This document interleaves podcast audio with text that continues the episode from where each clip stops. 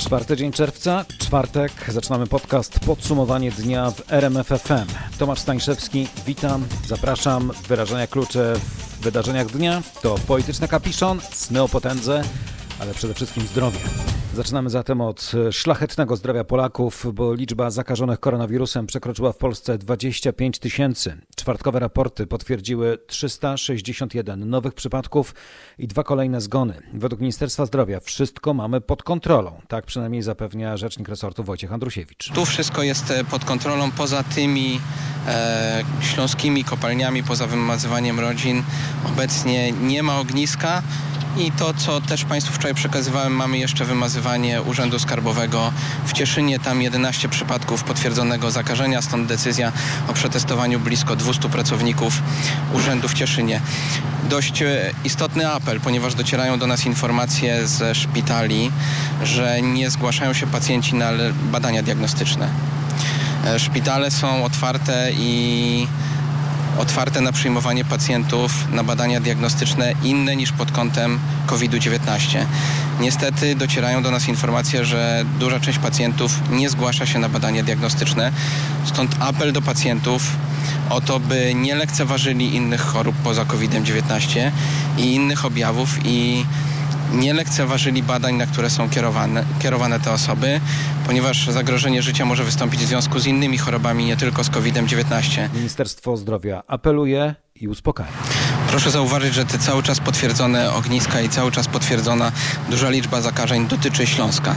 Tak naprawdę dzisiaj 139 zakażeń, gdyby nie Śląsk, mamy 35 zakażeń we wszystkich pozostałych województwach. Wczoraj również gro przypadków to jest Śląsk.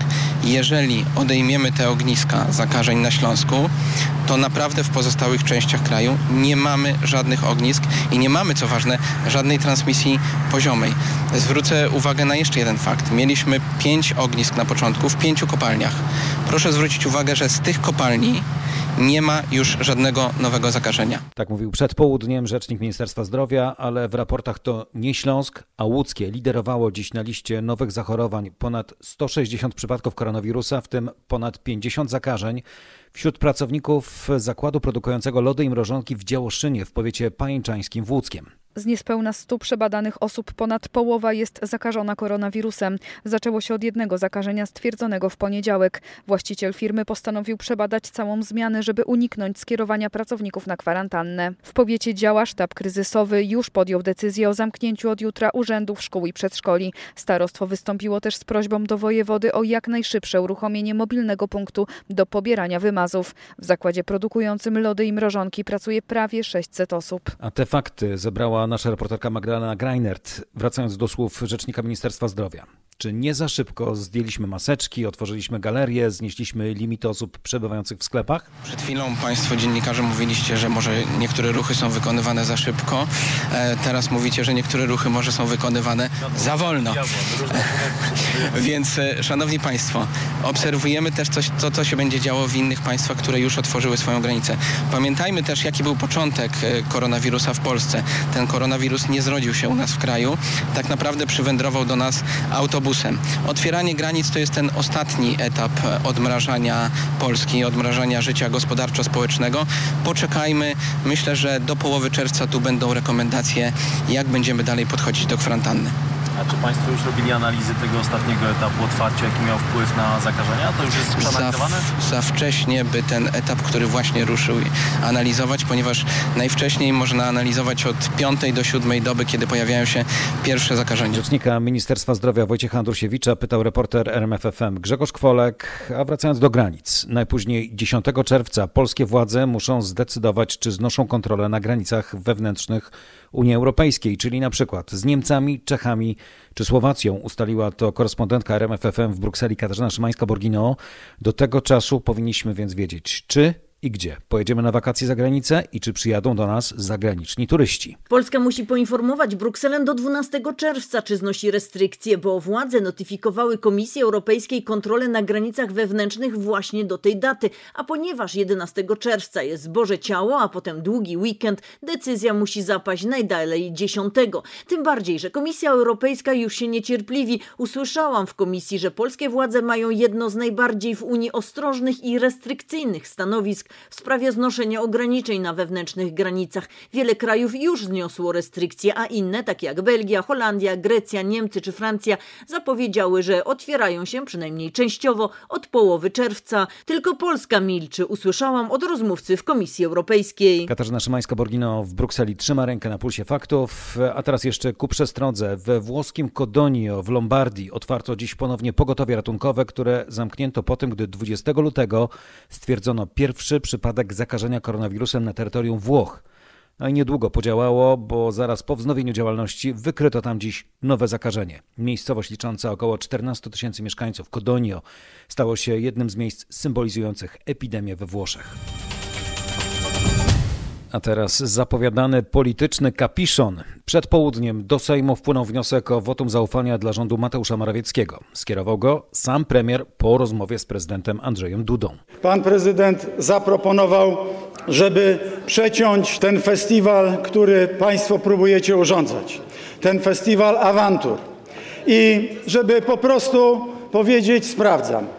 Jeżeli macie wystarczającą liczbę głosów, to odwołajcie nas. Albo przestańcie jątrzyć, przestańcie judzić, przestańcie wymyślać tematy zastępcze. Tym tematem zastępczym miał być wniosek opozycji o odwołanie m.in. ministra zdrowia Łukasza Szumowskiego. Po południu ruszyła sejmowa machina dyrygowana przez marszałek Elżbietę Witek. Proszę o zabranie głosu prezesa Rady Ministrów pana Mateusza Morawieckiego. Bardzo proszę, panie premierze.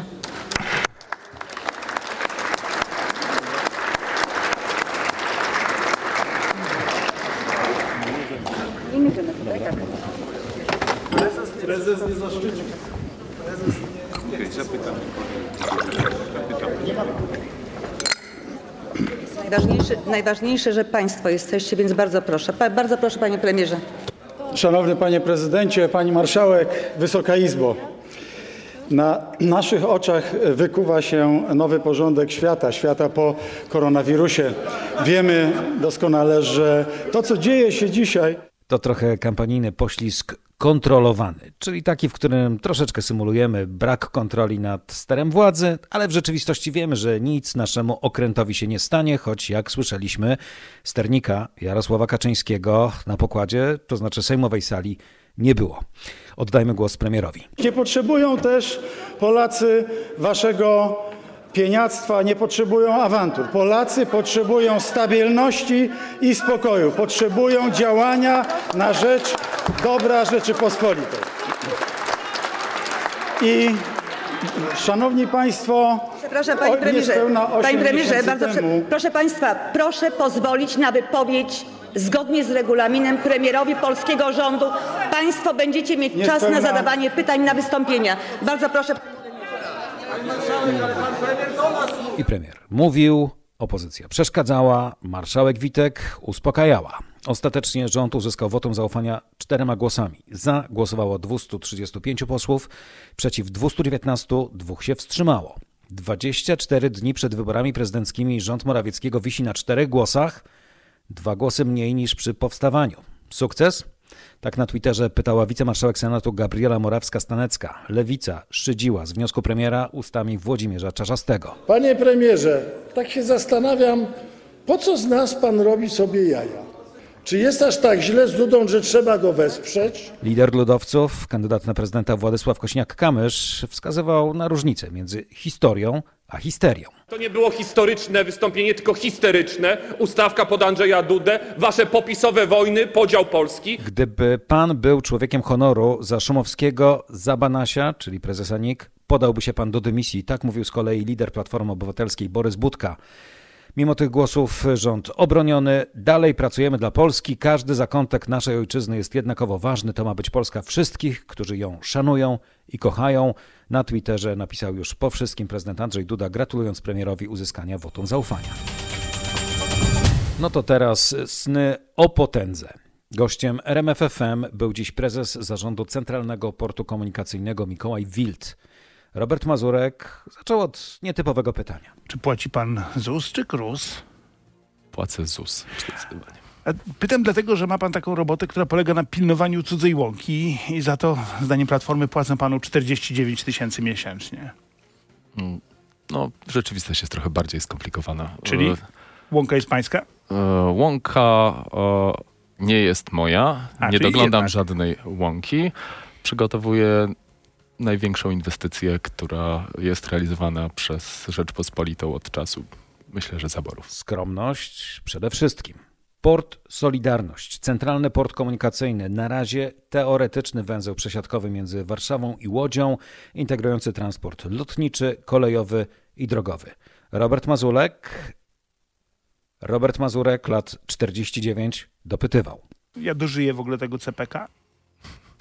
A koncepcja rządowa mówi jasno, centralny port komunikacyjny ma być gotowy na 27 rok. E, Sieć kolei, która doprowadzi do centralnego portu komunikacyjnego, cały system e, ma być e, ukończony w 34 roku, czyli pod koniec kolejnej perspektywy unijnej. No ale to wszystko na razie jest PowerPoint, a realia są takie, że ma pan 3000 hektarów do zabetonowania i podciągnięcie parę torów, a wszystko za niezłe pieniądze. Moje gratulacje.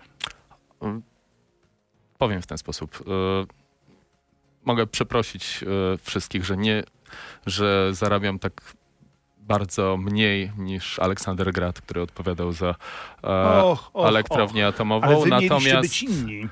e, natomiast e, jeżeli odnosimy to do benchmarków rynkowych, to jest to 3 do 5-krotnie razy mniej niż w firmach budowlanych i jest to również mniej niż średnia w spółkach giełdowych. Panie typowych. prezesie, z całym szacunkiem, skoro pan się powołuje, odwołuje do danych rynkowych, to skoro jesteście tak świetni na rynku, to mogliście pójść do firmy rynkowej i zarabiać 5 razy tyle, 3,5 razy tyle. Pewnie tak, tylko wtedy Tylko ktoś inny, tylko ktoś inny musiałby wtedy wybudować ten port. Znaczy, chciałbym powiedzieć w ten sposób, że e, oderwijmy, oderwijmy spór o pieniądze od mojej osoby i zastanówmy się Moja osoba, Beata Kampa. ode Dzień mnie. panu. O, ode mnie i zastanówmy się, czy osoba odpowiedzialna za taki projekt powinna zarabiać takie pieniądze. Dobrze, to Uważam, z- że powinna. No dobrze, to zostawmy na razie pańskie zarobki. E, porozmawiajmy o tym, co naprawdę pan buduje. Bo jak ludzie słyszą Centralny Port Komunikacyjny, to tak do końca nie wiedzą, to nad morzem budujecie, co wy budujecie właśnie? Budujemy największe lotnisko w tej części Europy. Czyli lotniska pan buduje. Budujemy 1800 kilometrów nowych tras kolejowych, które zepną Polskę, e, ponieważ Polska wciąż nie jest zintegrowana kolejowo. I wreszcie przygotowujemy budowę, przygotowujemy rozwój miasta na kolejne dekady, które e, Jakiego miasta? Wokół e, centralnego portu komunikacyjnego. Że tak będzie jak- pan miał wokół y, miasta, a w środku na rynku będzie pan miał lotnisko? To genialny pomysł. Znaczy, Podobieństwo z rynkiem jest, z ryneczkiem jest bardzo adekwatne, dlatego że tak jak kiedyś e, miasta rosły wokół, nara, e, narastały wokół rynków, tak obecnie, e, jak to twierdzą czołowi światowi urbaniści, obecnie lotniska tworzą miasta. Natomiast my nie mówimy tylko o lotnisku, mówimy o e, najlepiej skomunikowanym miejscu w Europie, do którego wszyscy mieszkańcy polscy będą mogli dojechać w e, 2-3 godziny. Ja nie do końca nadal rozumiem. Mam wydawać y, górę pieniędzy, jeśli chodzi o kwotę, to zaraz o nich porozmawiamy, ale to są niewyobrażalne sumy, e, na to, żebyśmy mieli duże lotnisko. Mamy całkiem spore lotnisko na Okęciu, możemy wybudować kilka mniejszych za dużo mniejsze pieniądze. I po co nam to wszystko w takim razie? Tu w ogóle nie chodzi o lotnisko. Lotnisko jest tylko narzędziem. Lotnisko e, jest elementem nowego systemu e, transportowego, dzięki któremu będzie pan mógł dojechać z Krakowa na Pomorze, oglądając trzy odcinki Netflix. Czyli z Krakowa nad morze w trzy odcinki Netflixa, tak? Tak. Plus kawa. Plus Ob- kawa. Dodajmy do tego kawę. Mm, Obiecuje to Mikołaj Wild, szef e, spółki budującej Centralny Port Komunikacyjny. który powstać ma w Stanisławowie w gminie Baranów, powiat grodziski w województwie mazowieckim, 37 km na zachód od Warszawy, 45 milionów pasażerów rocznie, a start już za 7 lat, niespełna. 27 rok, tutaj nic się nie zmienia. Pierwszy aczkolwiek- samolot w 2027 roku wystartuje Tak z. CPK. Tak jest. Co od samego początku było bardzo napiętym harmonogramem, ale y, jesteśmy po to, żeby ten harmonogram zrealizować. Czyli zaczniemy później, ale skończymy tak samo, jak obiecywaliśmy. Znaczy, jeżeli nie chcemy, jeżeli nie chcemy, żeby powstała z tego kolejna strefa relaksu w Warszawie, to musimy doprowadzić do sytuacji, w której pytamy się użytkowników portu, uwzględniamy użytkowników tej infrastruktury, czego chcą. Innymi słowy, musieliśmy zapytać nie tylko firm lotniczych, musieliśmy wciągnąć na pokład firmy paliwowe, firmy energetyczne. Bierzemy na pokład teraz e, globalne lotniska, które być może będą naszym partnerem. E, globalne lotniska będą waszą konkurencją, a nie partnerem, ale dobrze. Nie, nie mamy konkurencji ani z e, Narito, ani z Incheonem, czyli ani z Seulem, ani, ani z Tokio, ponieważ szukamy nieco innych klientów. Ani Seul, ani Tokio, po prostu CPK, Centralny Port Komunikacyjny integrujący ruch lotniczy z kolejowym. Zatem teraz kolejna. Kolej. Pan mówi o tym, że wybudujecie tysiąc. Najpierw mówił pan 1600, później 1800. Wie pan, jak się tak obiecuje, to można powiedzieć nie 1800, ale i 2500 kilometrów. Dlaczego nie właściwie? Wczoraj ogłosiliśmy e, konkretne harmonogramy dotyczące właśnie tej części kolejowej, dzięki której powstanie w Polsce nowy e, system transportu zbiorowego. Kiedy pierwszy odcinek będzie gotowy? Tak gotowy, żeby wsiąść do pociągu i pojechać. To Te również, trzy odcinki Netflixa. To również, to również 27 rok e, i wtedy będziemy mieli gotowy odcinek między Warszawą a Łodzią, między Łodzią a Wrocławem między Wrocławiem a e, granicą kraju, a także odcinki między Ostrołęką a Łomżą, Trawnicki Zamość. A reszta sukcesywnie aż do 1934 roku. Czas płynie szybko. Czy równie szybko zmieniają się rządowe stanowiska? Posłuchajcie, jak kończyła się ta rozmowa z prezesem zarządu Centralnego Portu Komunikacyjnego. Dobrze, panie ministrze, bardzo panu dziękuję. Y, gratuluję znakomitej posady. Na te łąki to ja proponuję, że pan jeszcze brał teraz y, dopłaty, wie pan, rolne, zanim pan tam coś postawi, to jeszcze parę złotych wpadnie. Będzie na budkę z kebabem przy lotnisku. Powiem w ten sposób, y, zawsze możemy się mówić na kebab, ale obawiam się, że zanim, zanim to się stanie przy lotnisku, e, to e, to, co, no, to, to, to na, pewno nie, na, pewno nie za mojej, na, na, pewno nie za mojej kadencji, tak. Myśli pan, że pana wywalą wcześniej? A, znaczy, to jest sztafeta. Realizacja in, in, e, infrastrukturalnych inwestycji to jest sztafeta i jestem przekonany, że Czyli pan nie momencie... będzie Kwiatkowskim? A, chciałbym być, natomiast jestem realistą. Realista. Inżynier chociaż prawnik z wykształcenia, e, był Państwa i moim gościem. Bardzo Panu dziękuję. Kłaniam się nisko. Do widzenia. Dziękuję Panu. Dziękuję Państwu. 30 minut e, tej rozmowy Roberta Mazurka z Mikołajem Wildem i jak słyszeliście, realistą. Zobaczcie na filmie, posłuchajcie na rmf24.pl. A propos latania, węgierska niskokosztowa linia lotnicza Wizz w związku z przedłużeniem restrykcji dotyczących lotów międzynarodowych zawiesza wszystkie połączenia w polskiej siatce do 14 czerwca. A co robi szef Ryanaira? Krytykuje brytyjskie przepisy o kwarantannie. Bezużyteczny i nieskuteczny program, który spowoduje nieopisane szkody dla branży turystycznej w kraju, mówi Michael O'Leary. Od 8 czerwca, przypominam, Wielka Brytania ma wprowadzić 14-dniową kwarantannę dla osób przybywających z zagranicy. Ludzie będą mogli przylecieć w przyszłym tygodniu przez lotniska Heathrow i Gatwick, następnie będą mogli wsiąść do metra w Londynie, pociągów, autobusów, taksówek, by dostać się do celu. Mogą zatrzymać się na chwilę w supermarkecie, mogą zagrać partyjkę golfa, nie ma kwarantanny. Rząd brytyjski na swojej stronie internetowej przyznaje dziś, że formularz nie jest nawet dostępny. My, linie lotnicze, skontaktowaliśmy Spotkaliśmy się wczoraj z rządem, powiedzieliśmy, że chcemy, by nasi goście wypełniali ten formularz od najbliższego poniedziałku, 8 czerwca. A formularz nie został jeszcze udostępniony. Więc zapytaliśmy, kiedy formularz będzie dostępny. Powiedzieli, nie wiemy. Zapytaliśmy, co jest w formularzu. Powiedzieli, nie wiemy. Chcą dziś i jutro spotkać się z branżą, by zaprojektować ten formularz, który ludzie mają wypełniać w poniedziałek. A kiedy go wypełnią, wszystko co tam będzie, to twój numer telefonu komórkowego. Tak szydzi szef Ryanaira. W Wielkiej Brytanii zaginięcie małej Madeleine McCann znowu na pierwszych stronach gazet, bo niemiecka policja zidentyfikowała podejrzanego o jej uprowadzenie. To 43-letni pedofil odsiadujący obecnie wyrok. Dziewczynka, przypominam, zniknęła podczas rodzinnych wakacji w Portugalii w 2007 roku, 13 lat temu. Z Londynu teraz korespondent RMFFM Bogdan Frymorgan. Bogdanie, jak na te rewelacje reaguje brytyjska policja? Bardzo ostrożnie, wielokrotnie w przeszłości dochodziło bowiem do podobnych przełomów, które spełzały na niczym.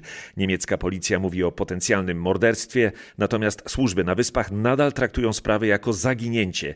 Niemniej tutejsza policja ponownie zaapelowała o wszelkie informacje, które w świetle doniesień z Niemiec mogłyby rzucić nowe światło na sprawę. A co na to rodzice zaginionej dziewczynki? Nie udzielają wywiadów, nie chcą skupiać na sobie uwagi, choć nigdy nie utracili nadziei, że Madeleine mogła przeżyć, są realistami. Od jej zaginięcia minęło bowiem 13 lat. Kate i Jerry McCain przede wszystkim chcą w końcu dowiedzieć się, co stało się z ich córką, a jeśli to możliwe, zobaczyć na ławie oskarżonych ludzi odpowiedzialnych za jej uprowadzenie. Wracamy do kraju. Czwarty dzień czerwca, 31 lat po tamtym czerwcu 89 roku. Na mocy porozumień między władzami PRL a częścią opozycji odbyły się częściowo wolne wybory parlamentarne. Zwycięstwo Solidarności otworzyło nową epokę w najnowszych dziejach Polski oraz wpłynęło na proces upadku komunizmu w Europie Środkowej. Wybory zakończyły się zwycięstwem Solidarności, którego rozmiary zaskoczyły nie tylko komunistów, lecz i stronę opozycyjną. A dziś ta symboliczna data, która uruchomiła procesy niszczące komunizm nad Wisłą, powróciła w kampanii prezydenckiej. Rafał Trzaskowski tego dnia zarejestrował swój komitet wyborczy, ma teraz 6 dni na zebranie 100 tysięcy podpisów. Hasło kampanii chyba już znamy. Mamy dość. Czego dość ma kandydat Koalicji Obywatelskiej? Mamy dość dzielenia nas na lepszych i gorszych. Mamy dość na, dzielenia, na, na dzielenie nas na swoich i nieswoich. Naszym obowiązkiem dzisiaj jest stanie przy słabszych. To jest właśnie nowa Solidarność. Twórzmy Polskę dumną, otwartą, tolerancyjną i uśmiechniętą. 4 czerwca Trzaskowski był w Gdańsku, Andrzej Duda w Chełmie. Tam mówił o 4 czerwca 89 roku w Krakowie. Ja rzeczywiście biegałem po ulicach Krakowa, po Siennej, po rynku pokrowoderskiej, w koszulce z napisem Głosuj na Solidarność. Wspominam to z rozrzewnieniem. To ogromne poczucie wspólnoty. Chciałbym, żeby ono wróciło. Szymon Hołownia dziś w Warszawie złożył kwiaty pod popiersiem Tadeusza Mazowieckiego. Tadeusz Mazowiecki jest autorem tych znamiennych słów, które dzisiaj bardzo dobrze w Polsce przypominać. Można się różnić, można się spierać, ale nie wolno się nienawidzić. Udało nam się przeprowadzić wybory, które stały się inspiracją dla całego bloku wschodniego. Stały się tą zmianą, na którą wszyscy czekaliśmy. O 4 czerwca Robert Biedroń. O historii, ale też o współczesnej polityce Marcin Zaborski rozmawiał dziś w RMF FM z Janem Lityńskim. Były poseł, e, między innymi w Sejmie wybranym 4 czerwca 89 roku. Dzień dobry. Dzień dobry. Możemy rozmawiać naprawdę szczerze? No, staram się. Wiedział pan 5 lat temu, przed wyborami prezydenckimi, że je przegracie? Tak. Kiedy? Kiedy obejrzałem wyniki y, badań y, przed y, drugi, drugą prezydenturą Kwaśniewskiego i zobaczyłem, jakie były mm, wówczas notowania. Kwaśniewski miał notowania mm, na dwa tygodnie przed wyborami, nawet na, na, nawet na kilka dni przed wyborami. W ostatnich badaniach miał wynik ponad 60%. A Bronisław Komorowski? Zakończył, a zakończył Kwaśniewski z wynikiem no, bardzo dobrym, ale 52. I ja wtedy zacząłem alarmować, dlatego że to oznaczało, że urzędujący prezydent przy urnie traci i traci bardzo wyraźnie. No właśnie, nad tym się zastanawiam. Czy ktoś komu... miał odwagę w Pałacu Prezydenckim powiedzieć, król jest nagi? Czy ktoś alarmował y, i mówił, zbliżamy się było, do przepaści? Było bardzo trudno alarmować, dlatego że ci, którzy odpowiadali za kampanię, właściwie nie odbierali telefonów i trudno było do nich dotrzeć. Pan był doradcą prezydenta do spraw kontaktów z partiami politycznymi y, i przychodził pan do prezydenta i mówił, na zapleczu są sabotażyści albo przynajmniej lenie? Nie, czy nie sabotażyści, tylko ja powiedziałem, już wtedy, że my przegramy te wybory, jeżeli się nic nie zmieni, Potem następnie był, trumna była gotowa po pierwszej rundzie, a jeszcze mm, pomysł, y, który w nocy powstał, czy- czyli pomysł y, y, referendum, to było wbijanie gwoździ do tej trumny i ona się została, została, zamknięta. No i to, tak, się, to, tak to się skończyło. Y, No dodatkowo jeszcze wymyślono, i tutaj już bardzo alarmowałem, y, tak podobnie jak Henryk Wujec, y, spacer po krakowskim przedmieściu, który był również jedny- jednym z tych, jednym z tych gwoździ, dlatego że... Z suflerką. Tak, no suflerką, ale suflerka była dodatkiem. Natomiast y, pomysł, że się spaceruje po krakowskim przedmieściu, a nie idzie się y, y, na przykład przed Hutę Warszawa, czy gdzie indziej był pomysłem... Ale Bronisław pomysłem- Komorowski lepiej poradziłby sobie w Hucie Warszawa niż na krakowskim przedmieściu? Znaczy nie było żadnego planu. Ja powiedziałam tak, że gdyby na czele kampanii stał agent PiSu, to byśmy tę kampanię wygrali, bo on musiałby coś udawać, że robi. Natomiast tutaj było, co- cokolwiek było robione, to było robione obok. Puszczenie ponad 20 y, bronkobusów, w których jak wiadomo y, y, no, nie mogło być bronka w 20 bronkobusach, było również y, to posunięciem fatalnym, dlatego że ludzie przychodzili zobaczyć prezydenta, a wychodzili jacyś, jacyś ludzie, którzy nie byli prezydentami. Więc to wszystko, wszystko razem y, było po prostu y, no, przerażająco, przerażająco zła kampania. Błędy kampanii 2020. Najpóźniej dowiemy się o nich po drugiej turze wyborów prezydenckich, czyli 12 lipca. Opóźnione o miesiąc i liczebnie zredukowane, ale w końcu wystartowały. Na poligonie w Drawsku Pomorskim zaczęły się planowane jako największe od 30 lat manewry wojskowe z udziałem Armii Stanów Zjednoczonych. Praktycznie każdego dnia i często też w nocy wspólnie z sojusznikami wykonujemy różne, często bardzo skomplikowane zadania, ponieważ częściowo tylko znamy scenariusz, który jest przygotowany przez kierownictwo ćwiczenia ze strony amerykańskiej, natomiast musimy być w pełni przygotowani na różne wyzwania. Trzeba będzie improwizować. Trzeba będzie jak najlepiej wykonywać postawione zadania. Mówił naszej reporterce Anacie Łuczkowskiej kapitan Błażej Łukaszewski z 12 Brygady Zmechanizowanej ze Szczecina, która ćwiczy razem z Amerykanami. To m.in. 4000 żołnierzy z pierwszej dywizji kawalerii z Fort Hood w Teksasie. Na potrzeby tych ćwiczeń w lutym amerykańska armia do Europy przerzuciła rekordową liczbę sprzętu i żołnierzy, ale plany pokrzyżowała pandemia koronawirusa. Manewry zaczęły się miesiąc później. Co na to dowodzący ćwiczeniami generał brygady Brad Sylvia? Jest wielu wrogów na świecie, tu chcemy się upewnić, że w każdej sytuacji z koronawirusem czy bez koronawirusa jesteśmy gotowi, by stawić czoło wyzwaniom, jakie mogą stanąć przed każdym sojusznikiem z NATO. Dla pochodzących z suchego Teksasu żołnierzy takim wyzwaniem okazała się być przeprawa przez jezioro. U nas takich nie ma, dlatego nie ćwiczymy zbyt często przeprawy przez wodę i to jest dla nas świetna okazja treningowa. Co ciekawe, pomocny okazał się PTS, czyli gąsienicowy transporter pływający, sprzęt jeszcze z czasów Układu Warszawskiego. Te fakty zebrała w Drawsku reporterka RMFFM Aneta Łuczkowska. To było podsumowanie dnia w RMFFM 4 czerwca i ten współczesny i ten sprzed 31 lat, czerwiec 89 roku, który powrócił dziś w kampanii prezydenckiej. Wszystkie najważniejsze fakty znajdziecie na rmf24.pl. Tomasz Stańszewski, dziękuję bardzo, do usłyszenia.